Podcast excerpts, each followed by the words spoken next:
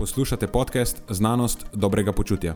To je oddaja, v kateri odkrivamo, kako lahko znanost pomaga izboljšati vaše počutje in kako kritično razmišljanje omogoča sprejemanje dobrih odločitev na področju zdravja in fitnesa.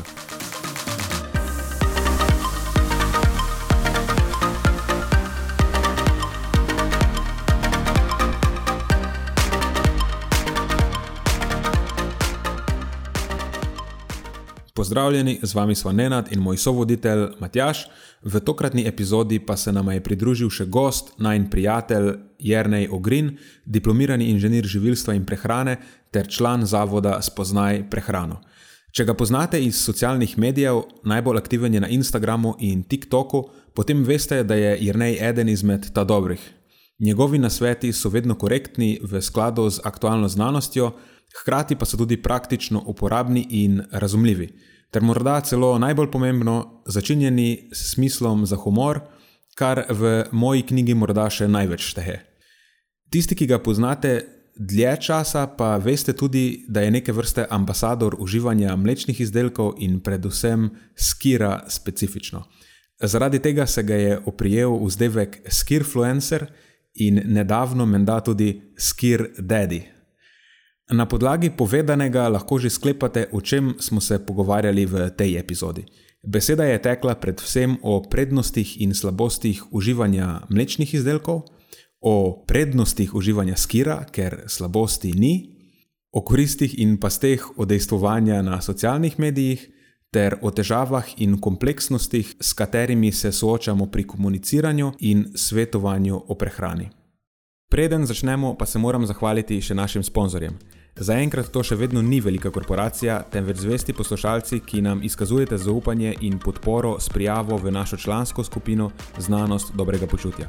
Hvala vsem, ki s tem držite luči prižgane in omogočate podkastu, da raste ter postaja še bolj kakovosten. Hvala tudi vsem ostalim, ki nas podpirate z visokimi ocenami in pozitivnimi komentarji, ter tako, da priporočate podcast svojim znancem in prijateljem. Zdaj pa je končno čas za začetek epizode. Uživajte ob poslušanju.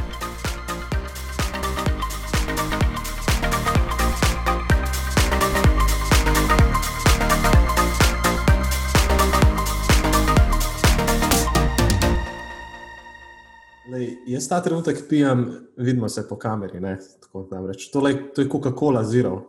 Ja, kaj si mislite o tem? Je to ok? Ali, ali ne bi smel. Oj, oj, začel, si, začel si vroče.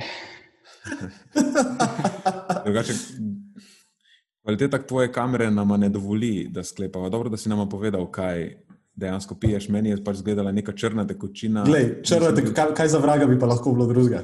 Navadna Coca-Cola. Okay, ja, navadna Coca-Cola, prav. Ja. Kaj, ne vem, če bi imel lahko tako dobro rezolucijo, da bi lahko ločila med navadno in zelo Coca-Cola. Drugače, pred kratkim, šali, seveda. Že tri, mislim, da je, mislim, da je že skoraj tri tedne, odkar se spravljam narediti na Instagramu ta nek eh, povzetek ene čist nove raziskave, kjer so primerjali um, pred in po sukralozi in aspartamu, kakšen je bil vpliv na črvesno mikrobioto in so pač mhm. ugotovili, da ni nobenih razlik. Tako da končno imamo uh, precej tesno, randomizirano klinično raziskavo na to temo, ker v preteklosti je bilo precej nekega hipotetiziranja in ekstrapoliranja na podlagi in vitro raziskav, kako umetna sladila oziroma nekalorična sladila vplivajo na črvesno mikrobioto, kar je smešno mi je, da so ekstrapolirali na podlagi tega, ker pač če v epruveti v narekovaju zaliješ neke celice z pač nekim umetnim sladilom, ne? valjda, da jih ubiješ, mislim, ne, ne karikirano. Ne, ne, seveda ne. Tako se bo enako se bo naše telo obnašalo v, tako, v, v resničnem svetu. Ja, ne, vemo, ne vemo, kaj bi bilo, če bi tisto sledilo bilo naravno. Recimo, če, bi, če bi bila stevija. Primer, ja. ja, e, nisem zihar, če ni bila stevija tudi tako testirana. Drugače, za stevijo dejansko uh, mislim, da imamo neke podatke. Že. Tukaj v tej raziskavi sicer ni bila testirana, ampak že predhodno se, je, se stevija ni pokazala kot nekaj, kar bi bilo kakorkoli težavno oziroma problematično iz tega vidika. Ja, po drugi strani konkretne... pa tudi, da ne bi bila neka boljša alternativa, ne? če se ne motim. Um, pač ni boljša alternativa. ja, ne, ne boljše, ne slabše. Maš ti najljubše sladilo, jer ne? Uh, dejansko nimam najljubšega sladila, ampak sem pa spadam v tisto skupino ljudi, ki jih uh, okus oziroma po okusu umetnih sladil načeloma ne moti toliko, oziroma jih me sploh ne moti. Uh, sem poskusil eno izjemo tukaj, ki je Sprite Zero, uh, ne Sprite, sorry, uh, Schweppes Tonic Zero.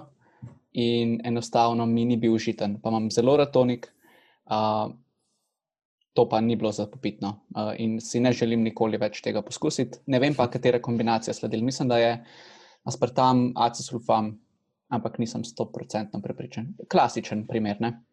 Hm, zanimivo. Mhm. Ja. Ker načeloma aspartam naj bi bil najbolj, najmanj bil najbolj pri okusu, je tako? Mhm. Nisem zihal, to je bilo vprašanje. Mislim, jaz opažam, da to ali pa ne vem, morda sukraloza celo. Ja, drugače, aspartam je v rekovajih problematičen z vidika uporabe, zato ker pač ni obstojen pri višjih temperaturah in ga ne moreš dati v pecivo.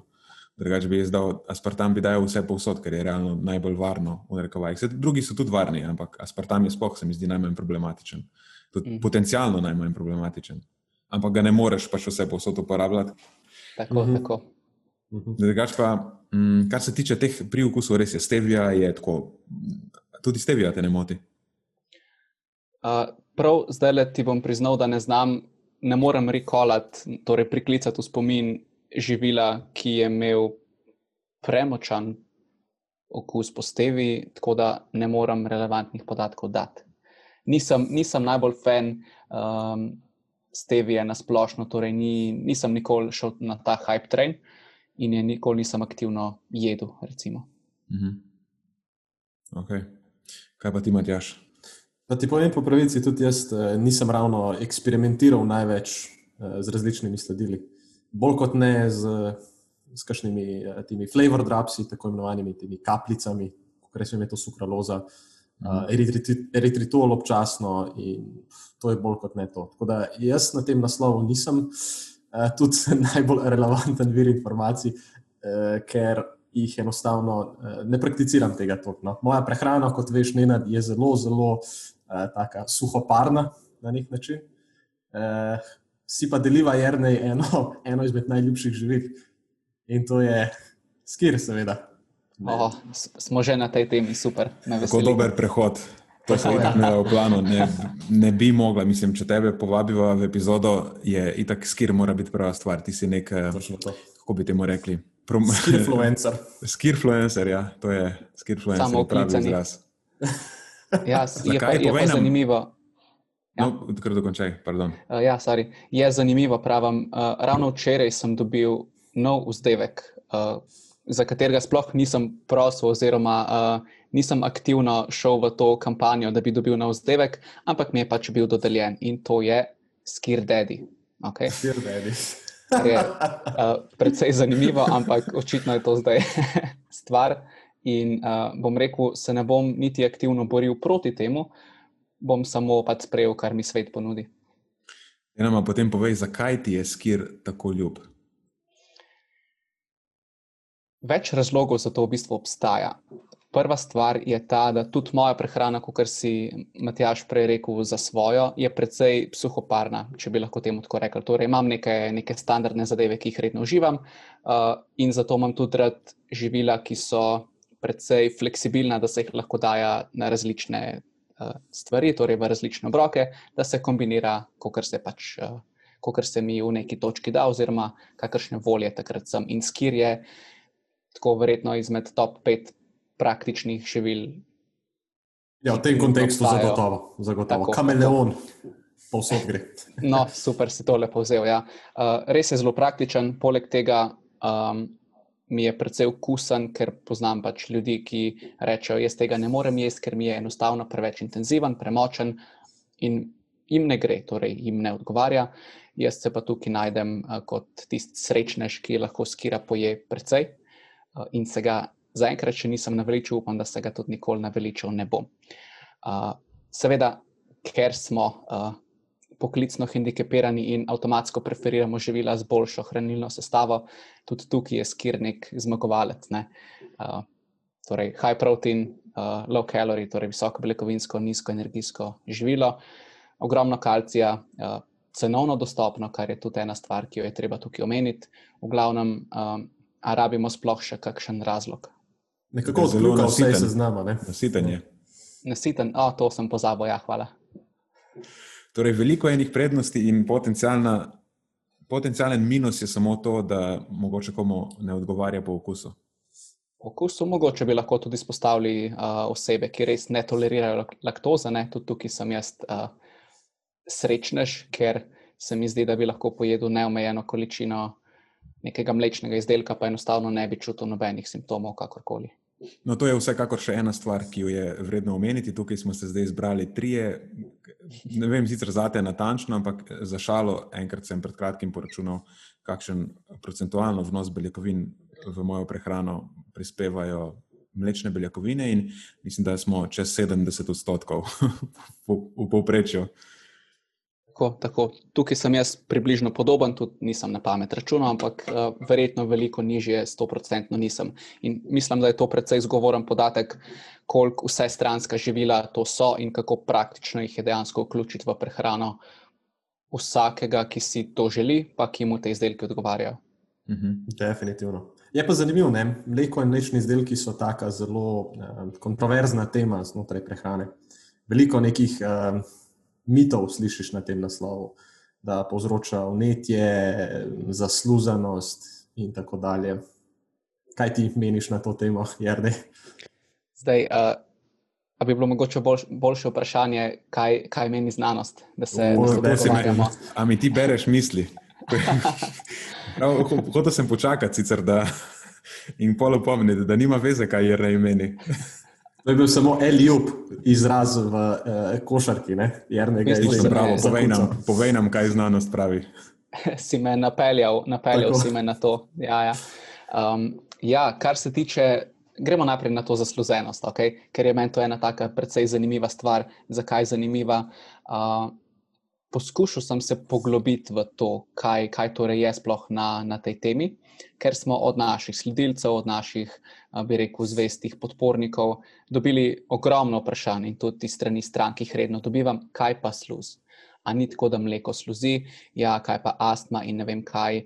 Um, in ker sem pač nekoga bil radoveden, sem šel v to malenkost ne bom rekel ravno deep dive, torej nisem šel v totalne podrobnosti, ampak raziskal sem površinsko, recimo, literaturo. In zaenkrat nisem našel kakršnih koli oprijemljivih razlogov, vzrokov oziroma lastnosti, ki bi jih mleko in mlečni izdelki, generalno gledano na splošno populacijo, imeli, da bi to pripeljalo do neke sluzi oziroma do česar koli s tem povezanega. In tudi, ko sem vprašal, recimo, koga, ki mi je rekel, ja, ampak mleko sluzi uh, mi ta oseba zelo pogosto, oziroma vedno, ni uspela povedati, kaj točno sploh misli s tem služenjem, ker je tudi on oziroma ona verjetno to slišala od nekoga drugega in je to pač vzela kot nekaj, nekaj resničnega, je to informacijo posebila in jo širila naprej. Tako, pod vplivom te informacije si in potem začneš videti stvari okoli sebe, ki jih sicer ne bi. To je zelo ja. pogost problem, če bomo temu rekli, problem o prehrani. Ker je marsikaj, ja, marsikaj pogojeno s tem, kaj mi pričakujemo dejansko od neke prehranske intervencije oziroma prilagoditve prehrane. In potem, če te skozi nekdo um, pumpa, da je moraš tako, s tem, da mleko slozi in sem in tja, potem dejansko mogoče začneš si predstavljati, da lahko skozi nekaj izkašljaš ali kakorkoli. Ja, Skozi smo podzavestno to. Ne? To je podobno kot pred dvemi tedni, ko sem mislil, da sem eh, okužen in da bom dobil COVID. Skozi me je nekaj pogrlo. Ja.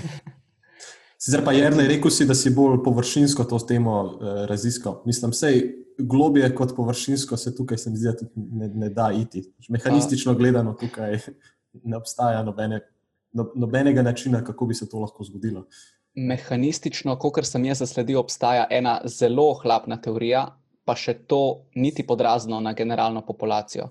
Gre za, torej, v primeru nekega hudega stresa, recimo nesreča, kakšna huda bolezen, kakšno zelo hudo vnetje, tako akutno. Naj bi mogoče, torej, temu tukaj podariti besedo mogoče, uh, lahko povečalo neko prehodnost uh, uh, naših uh, prebavil za določene snovi, in bi te mlečne beljakovine mogoče okay, lahko prehajale uh, v naš krvni obtok, mogoče se um, tam po nekem čudnem mehanizmu uh, se kaj tak, takega zgodilo in bi se povečalo izločanje sluzi v naših pljučih. Ampak en velik mogoče je tukaj zadnji. Nič potrjeno, uh, sploh pa ne pri generalni zdravi populaciji. Nekaj so bile mogoče povezave tudi s cistično fibrozo, ampak tudi to um, mislim, da ni tema tega podcasta, ker enostavno o tem noben od nas ne ve dovolj. Hm. Torej, če potegnemo črto, mlečni izdelki načeloma ne povzročajo zasluženosti. Tako je. Tako je. Pa, mogoče bi tole eno zelo hitro informacijo, mislim, informacijo, podatek. Uh, kar se tiče te sluzi, so delali veliko teh uh, anket, vprašalnikov, da so ljudi spraševali, ali verjamete v, v to, da mleko sluzi. Jih je določen procent rekel, ja, seveda verjamem, ker so to nekaj slišali. Potem so pa to na pol znanstveno, recimo, tudi poskušali raziskovati uh, in so testirali torej, mleko proti sojnem napitku, proti vodi, uh, torej, da so osebe topile in potem poročale, kakšen občutek v ustih oziroma v grlu so dobile. In normalno je bilo nekako da tiste osebe, ki so pile polnomastno mleko, da so čutile nekoliko bolj gosto slino uh, in neko obloženost od, oziroma maščobno oblogo na ustih in v grlu, ker je pač mleko vsebovalo maščobo. Uh, logično sklepanje, da pri vodi to ni bilo opazno in seveda iz tega ne moremo sklepati, da mleko povzroča sluz, ampak enostavno ti naredi maščobni uh, ovoj oziroma oblogo na ustih, kar ti mogoče lahko uh, povzroči neko percepcijo bolj goste sline, ampak to pač ni sluz. No, ena stvar pa je še, če testiraš vzorec ljudi, ki pričakujejo, da jim bo mleko povzročilo neko zasluženost, in potem jim daš pit mleko. Dejansko ne moreš jim, da, verjetno jim niso dajali placebo vode, mleka, da so pili vodo, pa so mislili, da pijejo mleko, ker je to skoraj nemogoče. Kot doskrat rečemo na tem podkastu, placebo za hrano v bistvu ne obstaja. Um, si predstavljam, da potem tudi nekako subjektivno, ker ta test je subjektiven. In oni so njih vprašali, ali ste zdaj bolj ali manj zaslazeni. In če že v štartu imaš vzorec ljudi, ki v večjem deležu misli, da mleko to povzroča, bodo pač poročali, da jim to povzroča, oziroma obstaja večja verjetnost, da bodo. Je pa dobro vprašanje, kako dejansko potem sploh to bolj objektivno bi bilo raziskati, ali povzroča ali ne povzroča. Najbrž bi rabil nek marker proizvodnje sluzi, Ne vem, če obstaja kaj takega. Verjetno, ali marker, ali pa vsaj, vsaj nek trden mehanizem, na katerega bi se lahko tukaj obrnil. Mm. No, to je zdaj na dolgo in široko usluženo. Ampak to so zdaj poslušalci že vajeni, da o stvarih, ki sicer bi lahko bile povedane v petih, maksimalno desetih minutah, razpredamo 20 minut. Tako da ni, nič hudega. Mogoče iz te točke ne gre. Ne? Ja, omenil si, da pač en potencijalen mehanizem bi bilo neko vnetje. To je spet ena taka stvar, ki se doskrat omenja. Da, ali pa da se mleko osvetuje, oziroma mlečni izdelki na splošno, zato ker naj bi povzročili eh, vnetja. Tukaj se lahko vprašam, kaj, kaj pravi znanost. Ne? Se mi zdi, da znanost v bistvu pravi ravno nasprotno. Ja, uh, res je. Za enkrat, ko imamo trenutne dokaze, trenutne podatke. Res lahko trdimo, torej ne moramo ravno reči, da ja, mleko je naprimer, enako protivnetno, kot kar naprimer omega-3 maščobne kisline, načeloma ne. Ampak vseeno ne moramo pa reči, da mleko povzroča unetje, ne vem, tako kot bi unetje povzročalo nekaj drugega, kar vemo, da povzroča unetje, recimo stalno kajenje. Okay? Um, zelo, zelo hude primerjave se tukaj delajo na področju hrane, zato sem to kajenje izpostavil, ampak to je vse, vse skupaj precej banalno. Ja, mleko bi mogoče lahko uh, delovalo malenkostno protivnetno, če pa ne to, pa vsaj neutralno, torej nima vpliva na neko uh, na povzročanje vnetja v telesu, tako generalno gledano, čist uh, plastično povedano. Mhm. Se, to imamo, tudi to sem nameraval osvežiti, eno infografiko prejšnjo na Instagramu, uh, ki, ki, ki je povzemala dva sistematična pregleda, ne sta sicer stara, eden je iz, iz 2017, eden pa iz 2019, se mi zdi. Ki sta tudi nakazovala na nek protivneten učinek. Pač več raziskav, vključenih v sistematičen pregled, je kazalo protivneten učinek.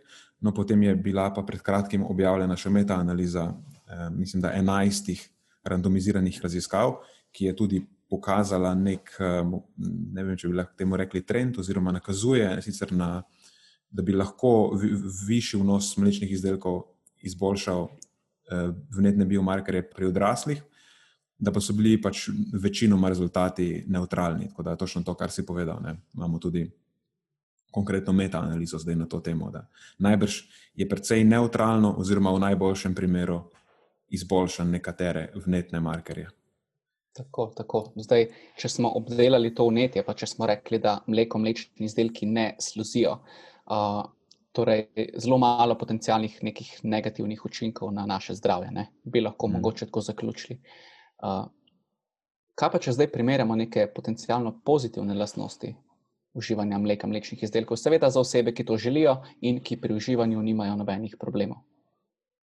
Ja, sej, v bistvu, m, mm, prej si, ko si izpostavil, kaj so prednosti skira.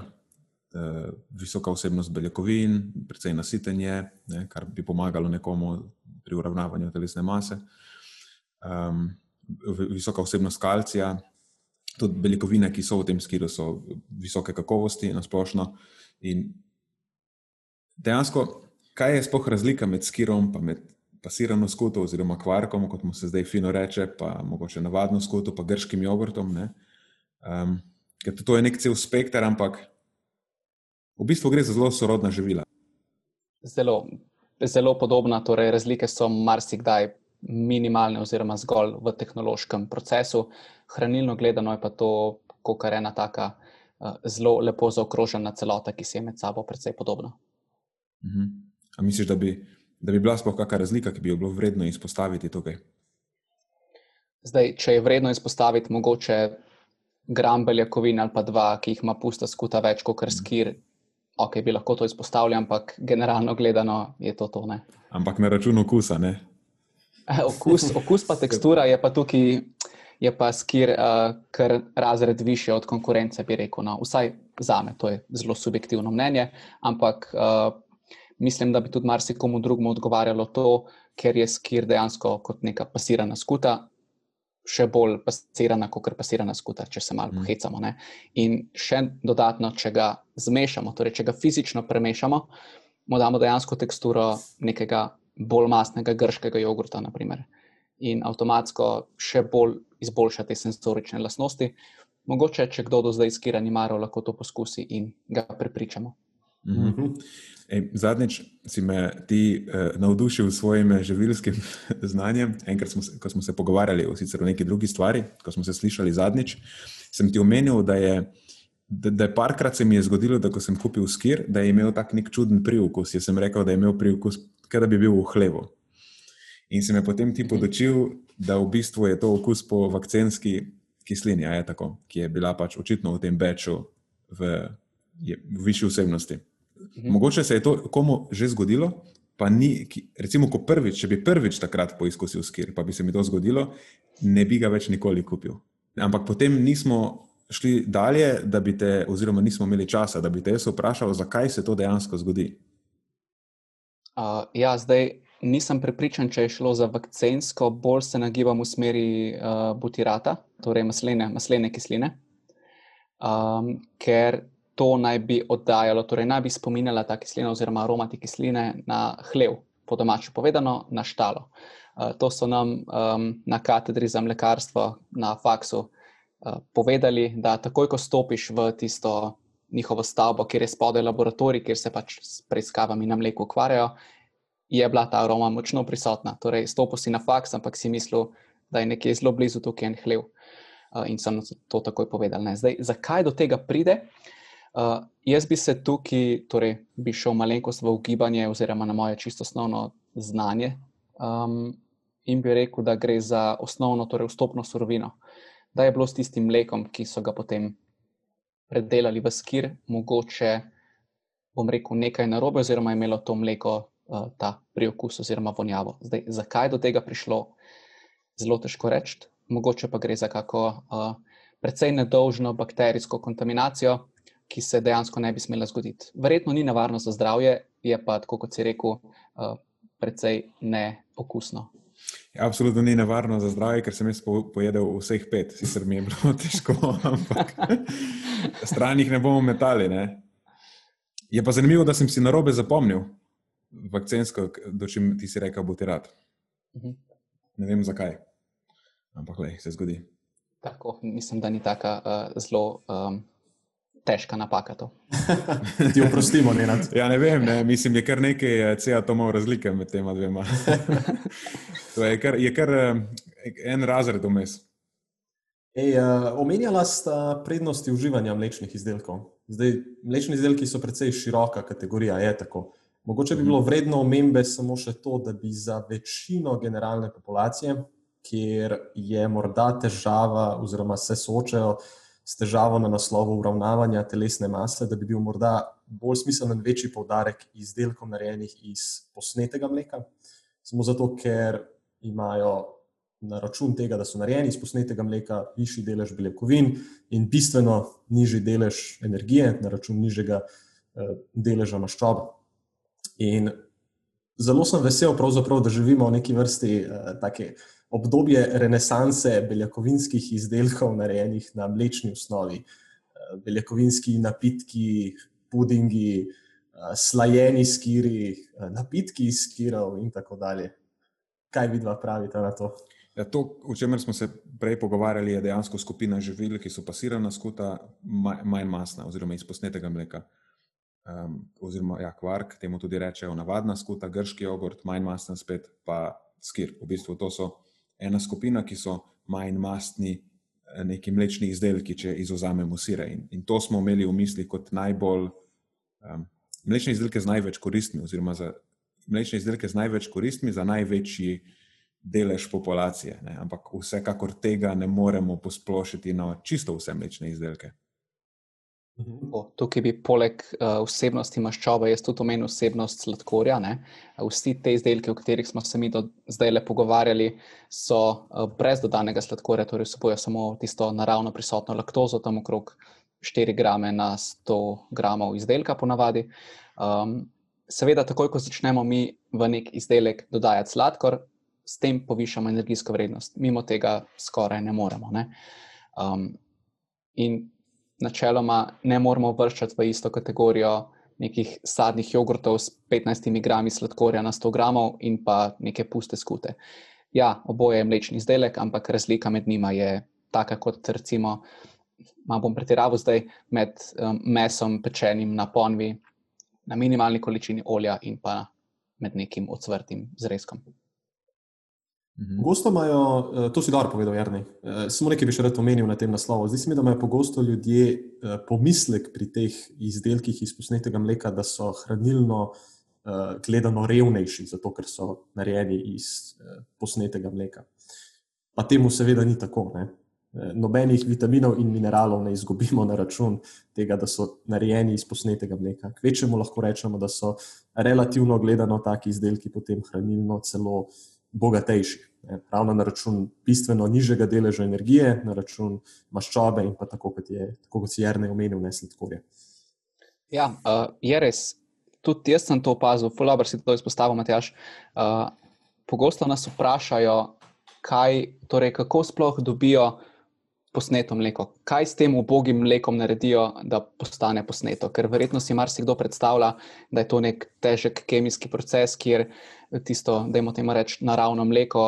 Uh, Nekako kemijsko pokvarijo, in potem dobimo neko čarovnijo na koncu, ki je posneto mleko, ki je za nas nekako slabo.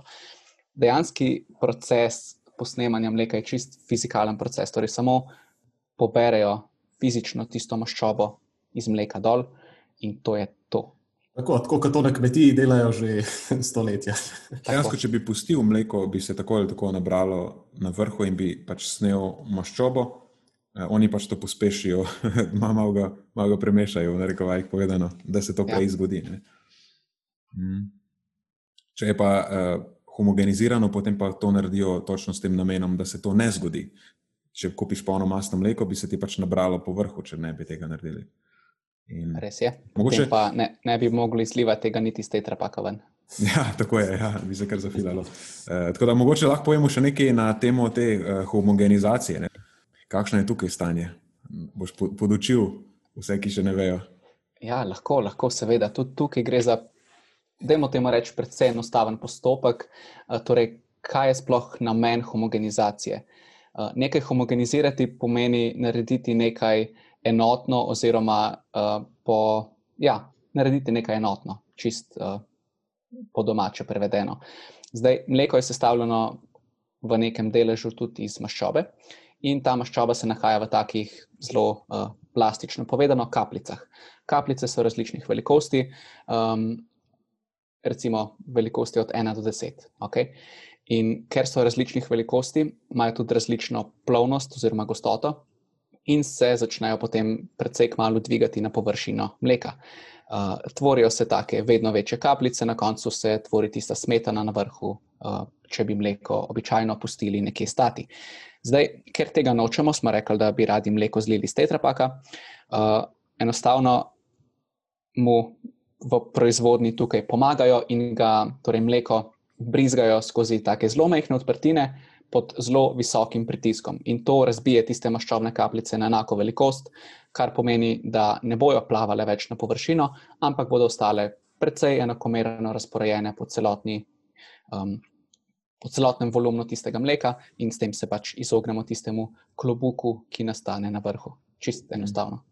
Drugače, če kdo hoče to doma preizkusiti, kako bi nekaj takega v principu delovalo, je vzameš vodo in zliješ, recimo, malo olja na to vodo. In pač, ker se maščoba in voda med sabo v narekovajih ne marata, to olje stoji na vrhu. Ampak, če daš vse te stvari v blender skupaj, pa šaltaš blender, da ta blender razbije to olje, ne, se to olje za trenutek pomeša s to vodo in zgleda, kot da sta zadevi, zadevi pomešani, do čim se potem spet začne dvigati uh, na, na vrh. Ampak, ker ta blender pač ne homogenizira zadeve na tak način, kot to naredijo v mlekarski industriji, um, se zadeva dvigne. Zdaj, v princip, princip je najbrž podoben, samo da se tam to doseže trajno. Tako, tako, pa tisto je, bi rekel, malenkost bolj nasilen proces, da jim temu rečem. Uh -huh, uh, ampak kljub temu se načeloma hranilne vrednosti mleka tukaj ohranijo, ker gre spet samo za nekaj fizikalnega. Tako, uh -huh. tako. Ej, fanta, uh, s tole temo, pardon, kar zdaj zaključimo. Ja, samo zaključiti, ja, da pač v bistvu ta homogenizacija ne pomeni v mleku nič slabega. Um, soroden izraz ki doskrat se pomeša, pa v bistvu gre za, za čisto drugo stvar in tudi z drugim namenom je pasterizacija. Ne. E, obe dve ti stvari dejansko eh, eno izboljšata kakovost mleka, oziroma ja, drugo pa tudi eh, trajanje, potem kako dolgo je dejansko to mleko varno za uživati. Tako da obe dve stvari, te dve stvari sta dobra stvar pri mleku, nista slaba stvar. Ker potem je eh, tudi to surovo mleko se je nekaj časa tako malo napihovalo se je kot nekaj boljšega. Ampak v bistvu surovo mleko je lahko na račun tega, da ni pasterizirano, precej tudi nevarno za uživanje. Ne? Tako da ti kot živilec, oziroma ja, se je delno si živilec, ne? zelo dobro veš, kako zelo nevarno je lahko mleko v bistvu. Mleko je lahko precej nevarno in ga jemljemo kot nekaj zelo samoumevnega, ker dejansko nismo nikoli verjetno, oziroma večina ljudi ni izkusila nikoli tega, da se mleko lahko pokvari, oziroma da ti dejansko povzroča neke, eh, neke zelo hude zdravstvene težave. Dobar, res je, da večina populacije ni ravno smrtno ogrožene, eh, kar se tiče neke okužbe z mlečnimi izdelki, surovimi.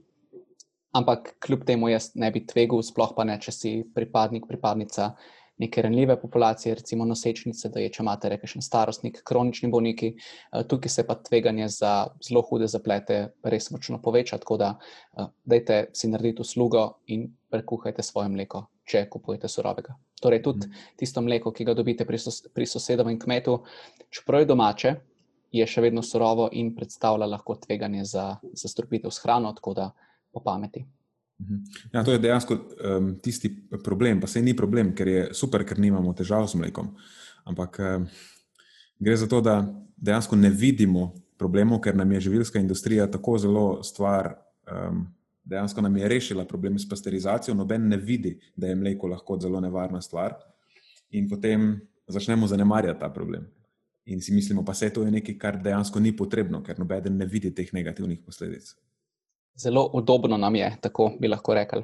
Ja, pa, eh, tako kot potrošniki smo zelo razvajeni, po drugi strani. Eh, uživamo v tem obdobju, obdobju ne, ampak Um, ne cenimo ga doskrat. Želimo si živila, ki so uh, vem, brez aditivov, so hkrati lepa, dolgo obstojna, skozi okusna, naravna. naravna.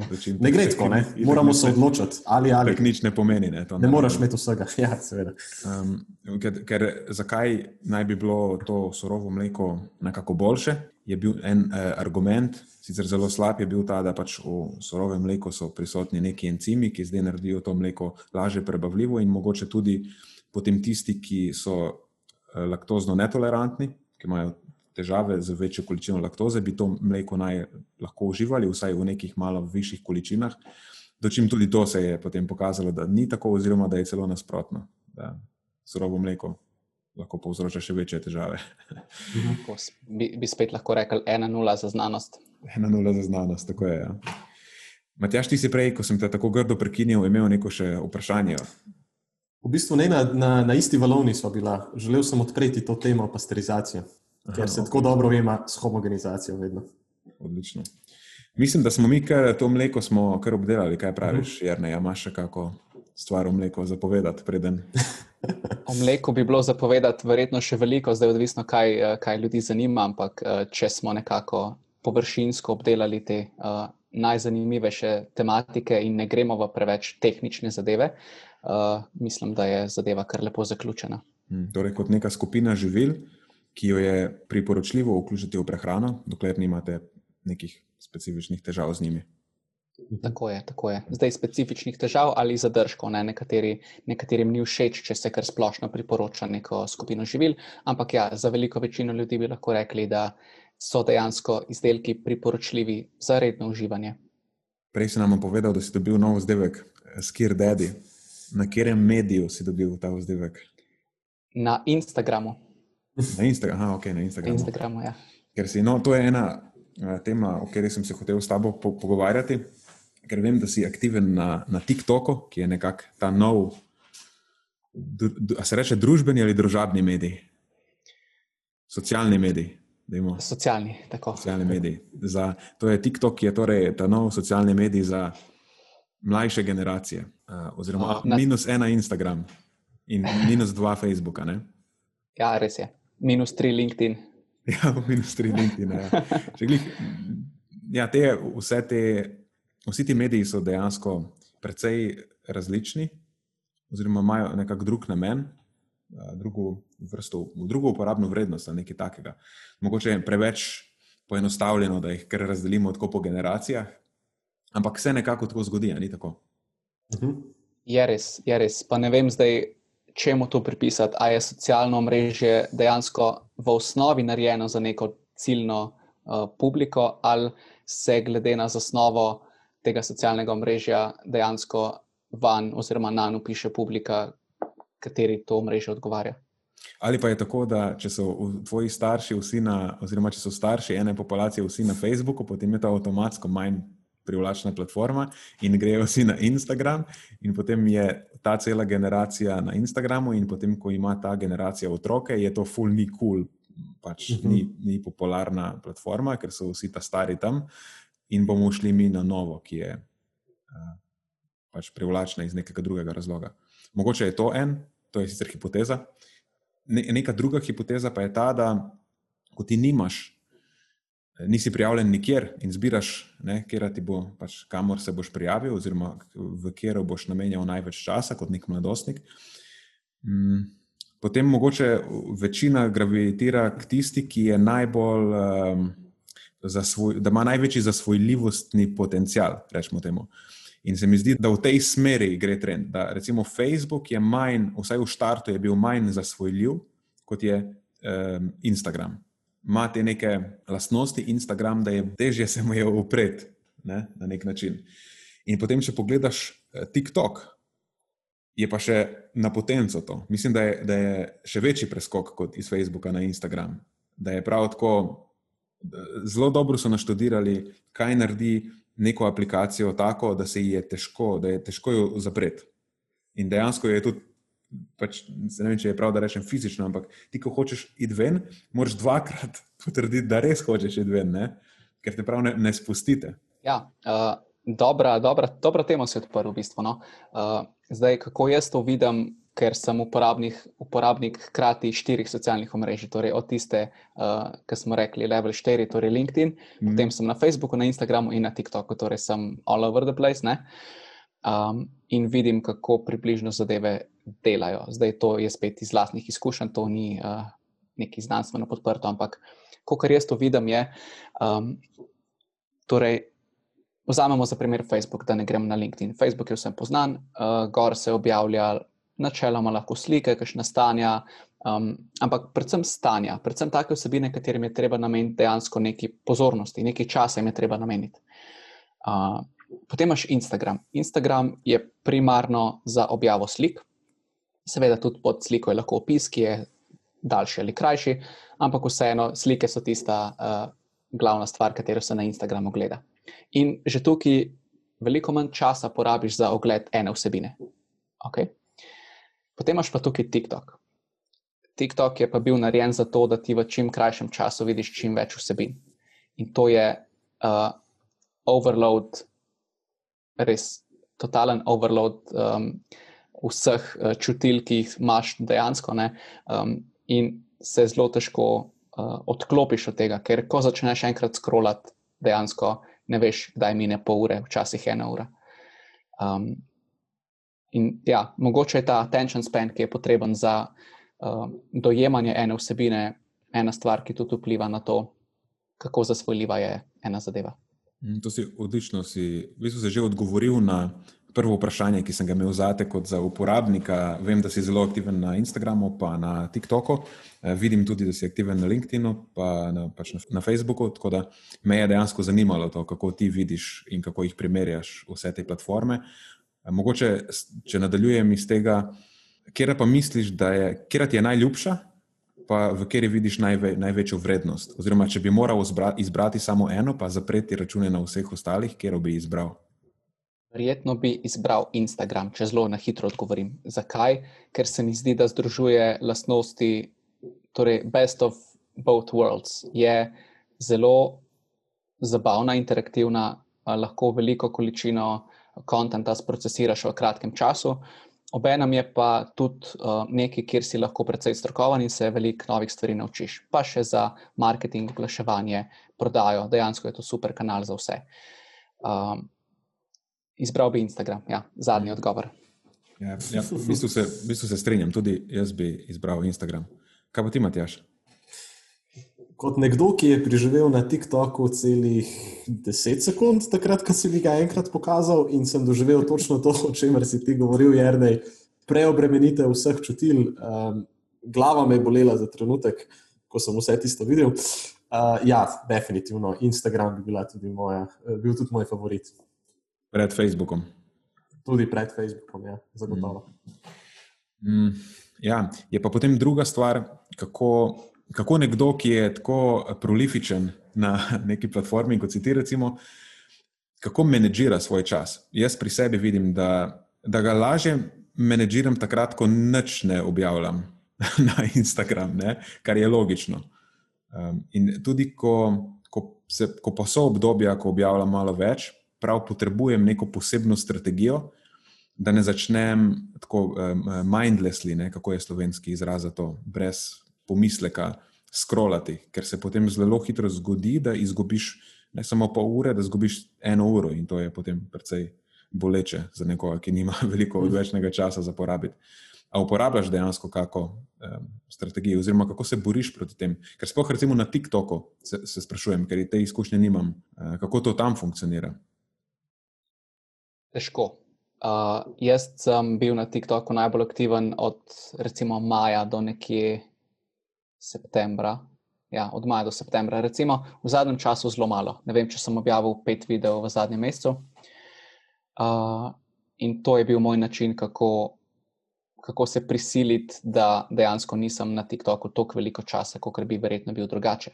Zdaj, to verjetno dolgoročno gledano ni najbolj produktivno. Zakaj ne? Zato, ker če ti hočeš biti na eni platformi, recimo, aktiven, uh, moraš objavljati stvari gor. Če to privede do tega, da ti eksponentno več časa na tej platformi preživiš za mindless stvari, torej za tiste stvari, ki od katerih nimaš nič dejansko. Ne? Vprašanje, če si kaj dobrega naredil. Tako da uh, tukaj iskreno nimam neke zelo uporabne strategije, ki bi jo lahko delil uh, ali z vama, ali s poslušalci. Uh, nisem še tam. Ko pa najdem kaj uporabnega, pa sporočim. ja, se, um, mislim, da veliko ljudi dejansko nima strategije, oziroma težko je.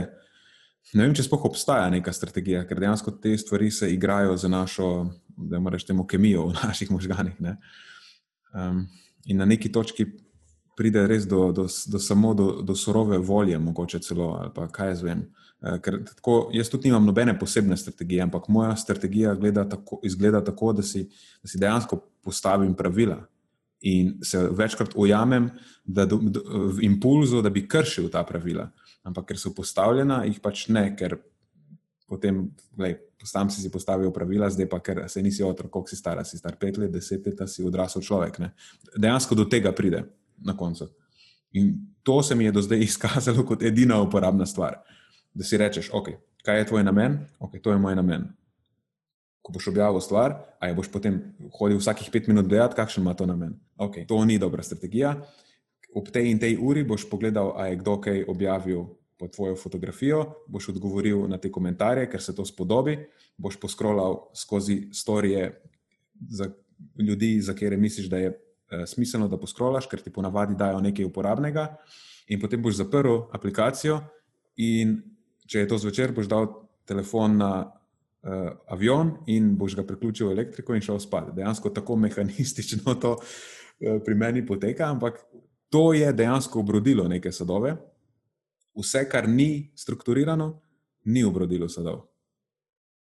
To je mogoče neko uporaben napotek, ki ga jaz lahko dam. Pač, da res uporabljamo te stvari eh, z nekim namenom. Ker če jih ne uporabljamo z nekim namenom, potem pač hijacka, kakšna je to slovenska beseda, spet ugrabi naše možgane.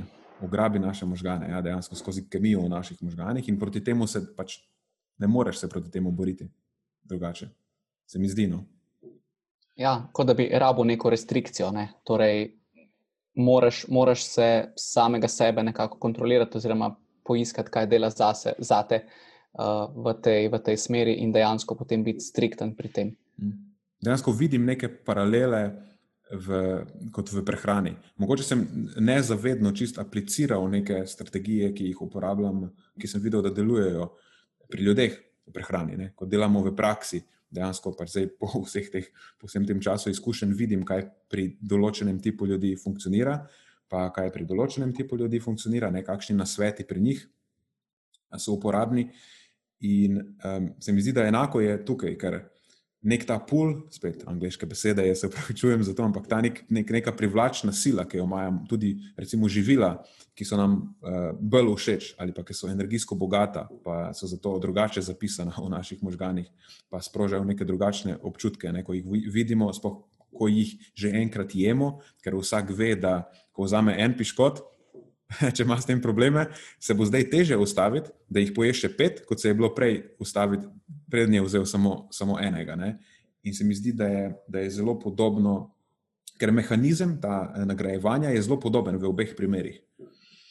In če uporabiš podobne trike tukaj, delujejo tudi na, na tem področju. Vsaj taka je moja izkušnja. No? Da, mogoče čist zdaj, ko na glas govorim, pa ko se pogovarjamo o tem, uh, sem tako nekako povezal te, te, stvar, te dve stvari.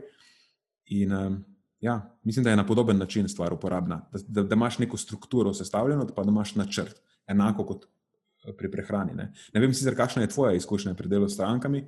Opažaš isto to, govorimo o prehrani, da je neka struktura, pa to ne pomeni, moraš jesti v 12 in 5 minut, in potem naslednji obrok. Ne pomeni to neka zelo rigidna struktura, ampak samo nek približen načrt, vemo, kaj delamo, ne, da je to dejansko potrebno. Ker včasih ljudje si mislijo, da eh, okay, jaz nisem nekdo za strukturo, jaz bom bolj uspeval, če nimamo neke strukture, pa bo vse tako na približno.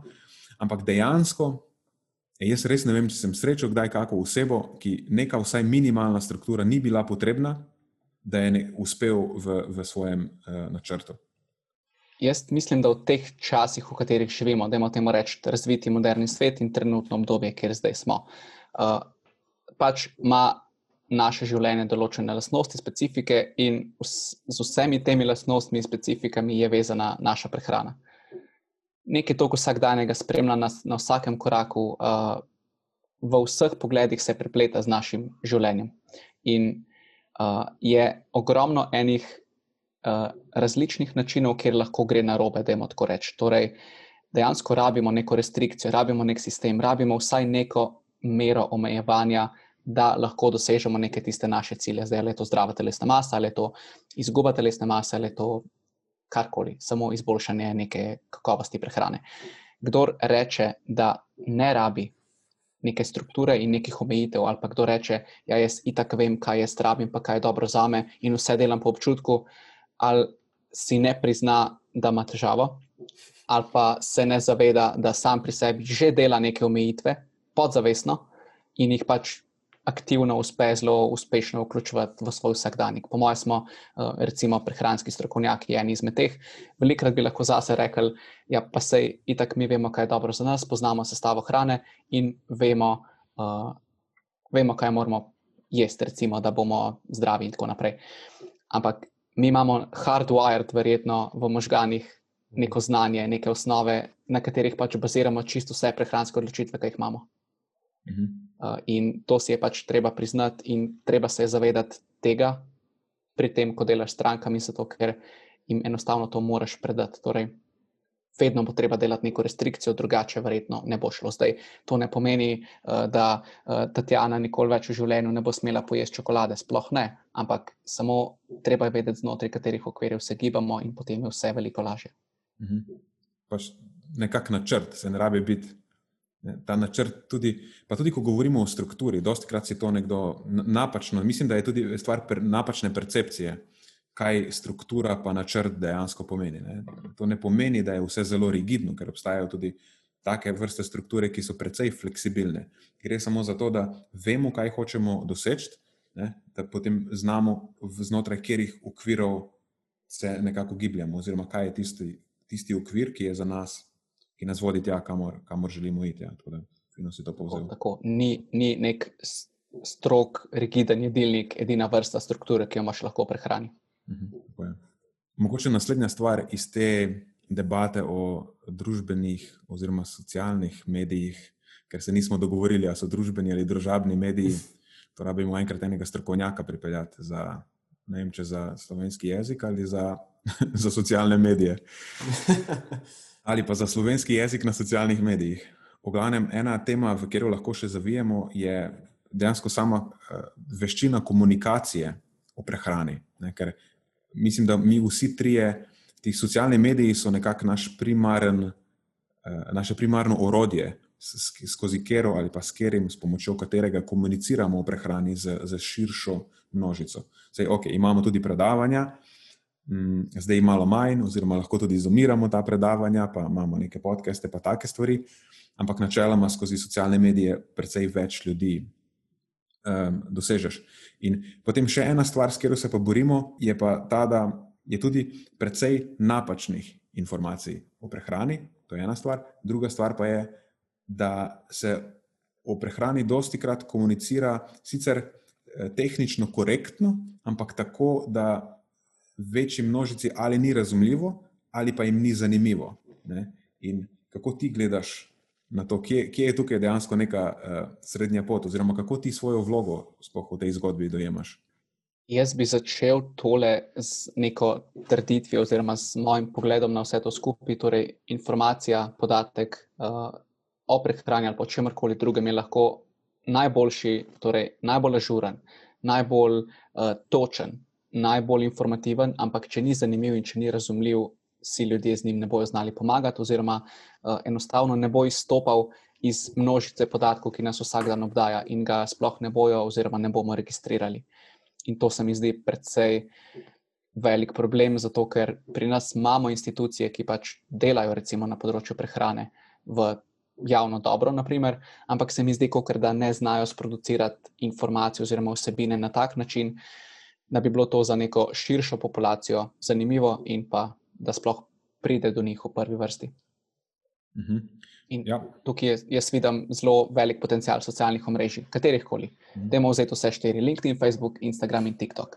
Uh, pokrijemo praktično vse generacije, razen nekih res starih ljudi, oziroma oseb, ki ne poznajo še interneta. Uh, in dejansko je to lahko najcenejši uh, medij za prenos teh informacij, in pa v končni fazi precej uspešen. Torej, bi se strinjal z to hipotezo, da je eden izmed glavnih problemov, ki jih ima prehrana kot, pač kot stroka, ta, da eh, v preteklosti so bila sporočila raznih influencerjev precej bolj privlačna širši množici, kot so bila sporočila eh, znanih strokovnjakov, recimo na tem področju.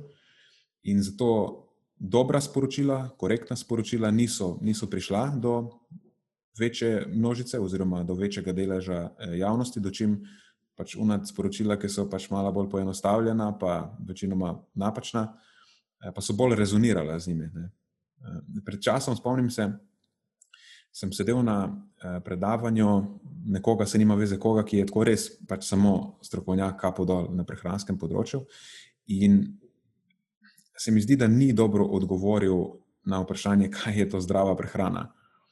Um, odgovor je bil, sicer ta, to vprašanje je že samo po sebi precej tako Um, Naše najljubše vprašanje. Ja, težko je na njega odgovoriti realno, um, ker lahko večjih, na večjih nivojih lahko odgovarjaš na to vprašanje na več načinov.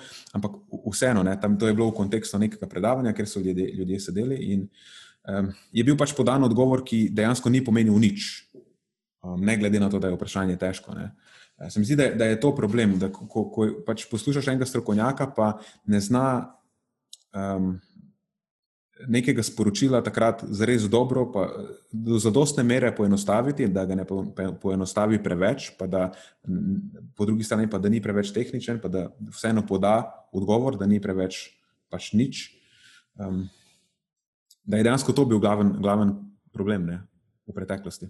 In da je to nekako tudi naš, naša naloga. Mislim, da vsi mi trije uh, stremimo v tej smeri, da je probamo najti tisto, kar je, kar je vseeno točno, da ni preveč poenostavljeno, ampak da je vse dostopno čim večji množici ljudi. Ja, se strinjam. In včasih je, ne včasih, skoraj vedno je zelo težko najti neko razmerje tukaj, koliko biti še strokoven in koliko zadevo poenostaviti, da boš izpadel kot neka avtoriteta, oziroma vsaj kot nek relevanten vir informacij, pa da ne bojo ljudje samo skrolali mimo, ker kaj si potem naredil. Ja, ja točno to.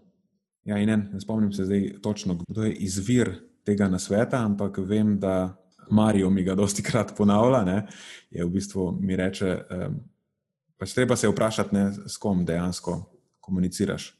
A hočeš izpad kul cool pred kolegi, ali hočeš pač, da te ljudje poslušajo. In včasih je pač treba sprejeti kak kompromis, pa kako stvar povedati manj strokovno, da je to v korist ljudi, ki te, ki te poslušajo. Um, Mi drugače delamo tudi ta mentorski program za trenerje, pa pač prehranske svetovalce, ki so up and coming, um, nas pač pridejo vprašati, kako mi te stvari delamo. In ena stvar, ki jo doskrat slišim, je ta, da uh, jih skrbi to, kako jih bodo drugi trenerji dojemali. Ne? Recimo, kaj si bom jaz mislil konkretno. Dobo večkrat so mi to rekli, da vedno, ko pišejo te stvari, kaj si bom pa jaz mislil o tem. Ne? In pol vedno rečem, da v bistvu to ni najbolj pomembno, kaj si bom mislil jaz. Uh, Ena stvar je ta, da jih itak ne bom sodil, ker ne, ne vem, kaj si ljudje v meni mislijo, ampak eh, ne, bom sodil na podlagi tega, kako je nekdo poenostavil neko stvar, ampak bom pač sodil na podlagi tega, je korektno in kakšen cilj je, je ta stvar imela. Ampak v nobenem primeru pač ni moje mnenje tisto, ki je najbolj relevantno, ne? ampak je učinek tega na, na to, komu bi ta informacija naj služila. Ne, to je tisto, kar me zanima. Ker po drugi strani, več, lahko pa nekdo neko trditev poda, ki je dejansko um, korektna, pa se mi vsi, ki v, v prehrani nekaj vemo, strinjamo, da je sicer ona faktualno korektna, pa je, da je točna, pa da je v skladu z znanstvenimi dokazi. Ampak potem je pa druga stvar, um, kako so pa dejansko to slišali tisti, ker jim je bilo to namenjeno. Ker neka informacija, ki je točna, lahko tudi povzroči neke zaključke, pri skupini ljudi, ki v prehrani ne vejo veliko, ki so dejansko napačni, oziroma jih vodi v v neko na, na, napačno smer. Sicer zdaj ne vem, ne bom se mogel spomniti konkretnega primera, ampak eh, lahko rečemo, da to živilo je super na ta in ta način. Um, ali pa samo poenostavljeno povemo, to živilo je super na ta način, to je dobro živilo. Kar je mogoče tehnično sicer res, ampak pozabili smo pa razkriti neko sivino v zadju za tem, za koga pa ni, za, ne, in tako naprej. Tako da je težka ta stvar, to hočem reči, ne? da ni doskrat direktnega odgovora ali pa enega samega. Ja, zelo težko je tukaj vedeti, kaj sploh narediti. Recimo, ali živila ali prehransko dopolnila. Tukaj bo Matjaž imel več izkušenj. Ne? Zelo hitro se začnejo sklepati določene zadeve uh, ali v prednost neke informacije, torej v korist ali pa v neko precej negativno lastnost, ki se lahko razvije iz katerekoli trditve. Tako da tukaj je zelo dobro, da se publiko, s katero komuniciramo, oziroma ja, komuniciramo, malo navigira, kaj zdaj to pomeni za njih in za, kar se da to splošno povedati, za njihovo prakso. Mm. Ja, tukaj sem v bistvu malo zašel, pa ne vem, če je to bilo kakorkoli koherentno na koncu, ampak to sta nekako te dve uh, točki, ki sta najbolj pomembni. Ne? S kom dejansko komuniciraš, ne na kakšnem nivoju z njim komuniciraš, druga je pa ta mogoče vem, etičen, moralen vidik tega, um, oziroma da, da probaš empatično nekako se uživeti v njihovo vlogo in si predstavljati, okay, kakšen učinek bo pa imela ta informacija, ki je sicer zadosti korektna. Na njihovo obnašanje, ali bo dosegla to, da bo šlo njihovo, njihovo vedenje bolj v smeri tega, da bo njihovo zdravje na ta račun boljše, ali obstaja nek, um, neka možnost, da, da, bodo, da bodo to slišali na robe. Ne, mogoče to sta dve, dve točki, ki bi jo bilo potrebno izpostaviti tukaj. Mhm. Res je. Mhm. Spomnil ste me na en, eh, en primer, ki sem ga imel ravno pred kratkim. Um, sem imel eno predavanje za, eh, za eno mlado populacijo eh, gimnazijskih športnikov iz gimnazije Velenje. In to je ena tako zelo, zelo posebna populacija, ko jim predavaš. Ne? In kako dobro se to prenese, kar ste zdaj govorili o tem, kako moraš poznati publiko, kateri predavaš. Uh, govoril sem konkretno o prehranskih dopolnilih, ampak če bi jaz zdaj izhajal iz, vem, pri njih, to so zdaj 15-16 letniki, ne, če bi zdaj izhajal jaz iz nekega zornega kota, da je pomembno za vaše zdravje, to je pomembno za vašo dolgoživost in tako dalje, da ne boste imeli nekih težav enkrat, kasneje. To, to bi šlo mimo njih, ne, skozi eno, fonotri, pa skozi drugo. Ne. Moraš igrati na nekatere druge karte. Ne, recimo, to, je, to mogoče pomaga k temu, da boš boljše zgledal, ali pa da boš bil vem, hitrejši, močnejši in tako naprej. Lahko mogoče spustimo potem tiste preostale pozitivne učinke, ki pridejo sklad, sem skupaj s tem. Ne. Tako da, ja, na nek način jim moraš dati tisto, kar oni hočejo, preko tega, kar oni dejansko potrebujejo. In to je ena taka uh, veščina, uh, zelo, zelo velika veščina, ki jaz daleč od tega, da jo obvladam in bi jo rad uh, malo bolj izpilil v bodoče, uh, kot nekdo, ki dela v tej fitness industriji. Um, in najbrž uh, to velja tudi za vaju, predvidevam. Definitivno ne bom trdil drugače, ker bi se zlagal. Mm. To je tisto. Prehrana sicer sama po sebi je znanost, naravoslovna znanost, ampak vedno, ko delaš z ljudmi, je pa malo umetnosti zraven. Mhm. Da je v bistvu umetnost in znanost prehrane. Ne? Ščepec umetnosti ali pa še ja. več. In tukaj je res zelo težko. Poetično. Ja, zelo težko je potem na, tej, na, tem, na tem umetnostnem nivoju, je potem zelo težko podajati, dosti krat, kakšna zelo konkretna navodila, kaj, kaj z neko osebo uh, početi. Res, res je res je treba imeti uh, neko, neko stopnjo empatičnosti, ker, ker je vsaka oseba. Je, um, ne moreš imeti, recimo, ti neke šablone že vnaprej pripravljene, ker to je pa še ena stvar, ki doskrat. Pač ljudje, ki potem pridejo k nam pač na ta mentorski program, pričakujejo, da bodo dobili šablono. Veš, okay, ti mi zdaj povej, kako zdaj jaz sledim nekemu, nekemu zaporedju. Prvi, na prvem sestanku moramo to delati, na drugem sestanku to delamo, ne, kakšen je vaš, vaš ta model. Ampak resnica je, da dejansko ni modela. Da vidiš osebo, ko pride, in je prvo vprašanje, ki jih postaviš, že je pomembno za to, v katero stran bo ta situacija se, se razvijala. Ne? In je lahko zaporedje teh dogodkov za osebo A čisto drugačno in zaporedju in hitrosti razvoja teh dogodkov v SBB, ne, na podlagi večjih, večjih teh dejavnikov. Tako da res je umetnost. Tako so, so si, oziroma smo si ljudje med seboj različni, da, kot si rekel, neka univerzalna šablona ali pa neka semi-univerzalna šablona tukaj odpade na začetku. Ja. Dobro, glede na to, da je že precej pozna ura in se meni možgani že izklapljajo počasi, sem bolj ta eh, rani tip, sploh se več ne morem spomniti pravilnih besed je po mojem pa, pa, počasi je pametno, vidiš, tudi jezik se mi zapleta. Je počasi pametno, da eh, to stvar privedemo eh, do konca in zaključimo. Mogoče za konec samo bi te še eh, vprašal, oziroma najprej, da povem, da si ti zdaj že tretji od. Se hotel sem reči, v bistvu od mušketirjev, samo vas je več kot mušketirjev, in tudi niste samo mušketirji, ampak imate tudi v ekipi mušketirke, izpoznaj prehrano. Eh, da nam mogoče malo poveš, kako ste vi zdaj to obdobje preživljali, eh, zadnje, ki je pač po večjih kriterijih nenavadno, in kam planirate iti v prihodnje, in mogoče kje te čez za konec lahko ljudje najdejo in spremljajo, poleg TikToka in Instagrama, ki smo jih že omenili. Ja, obdobje, kot si rekel, je precej zanimivo, precej nenavadno in nekaj, na kar nas ni nihče pripravil. Torej, tukaj smo se, kot vsi ostali, kot verjetno tudi vi, morali znati in videti, kaj bi zdaj pilo vodo, torej kaj, uh, kaj se da na našem področju delati, da od tega nekaj lahko imaš. Um, tako da dejansko smo dali ven nek manjši produkt, pa usmerili smo se na online zadeve, kar je trenutno uh, edina izvedljiva. Edini izvedljivi način za karkoli, kakršne koli storitve izvajati.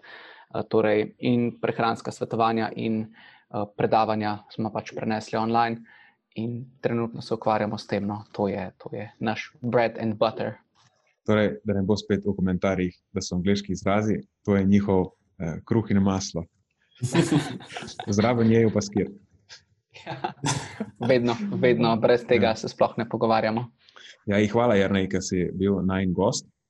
Eh, vse tvoje eh, povezave relevantne bodo itak v opisu te epizode.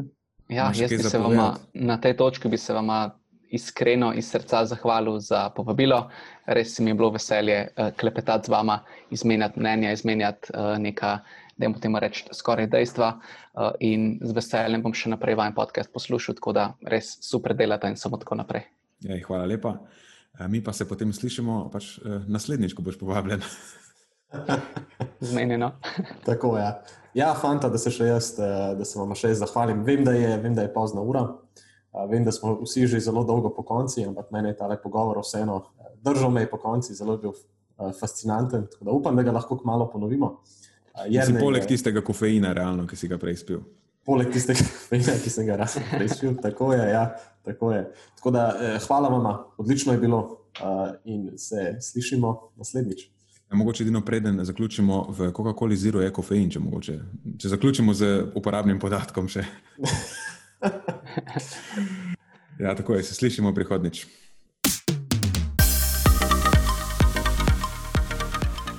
To je za tokrat vse iz naše strani. Hvala, ker ste poslušali do konca. Če mislite, da je bila današnja epizoda pomembna, jo prosim delite s svojimi znanci in prijatelji in jo priporočajte dalje, saj s tem omogočite, da doseže čim večjo množico. Hvala vsem, ki nas podpirate s članarino in tudi vsem ostalim, ki delite podcast dalje in nam izkazujete naklonjenost z visokimi ocenami in pozitivnimi komentarji. Se slišimo prihodnjič, do takrat pa ostanite premišljeni.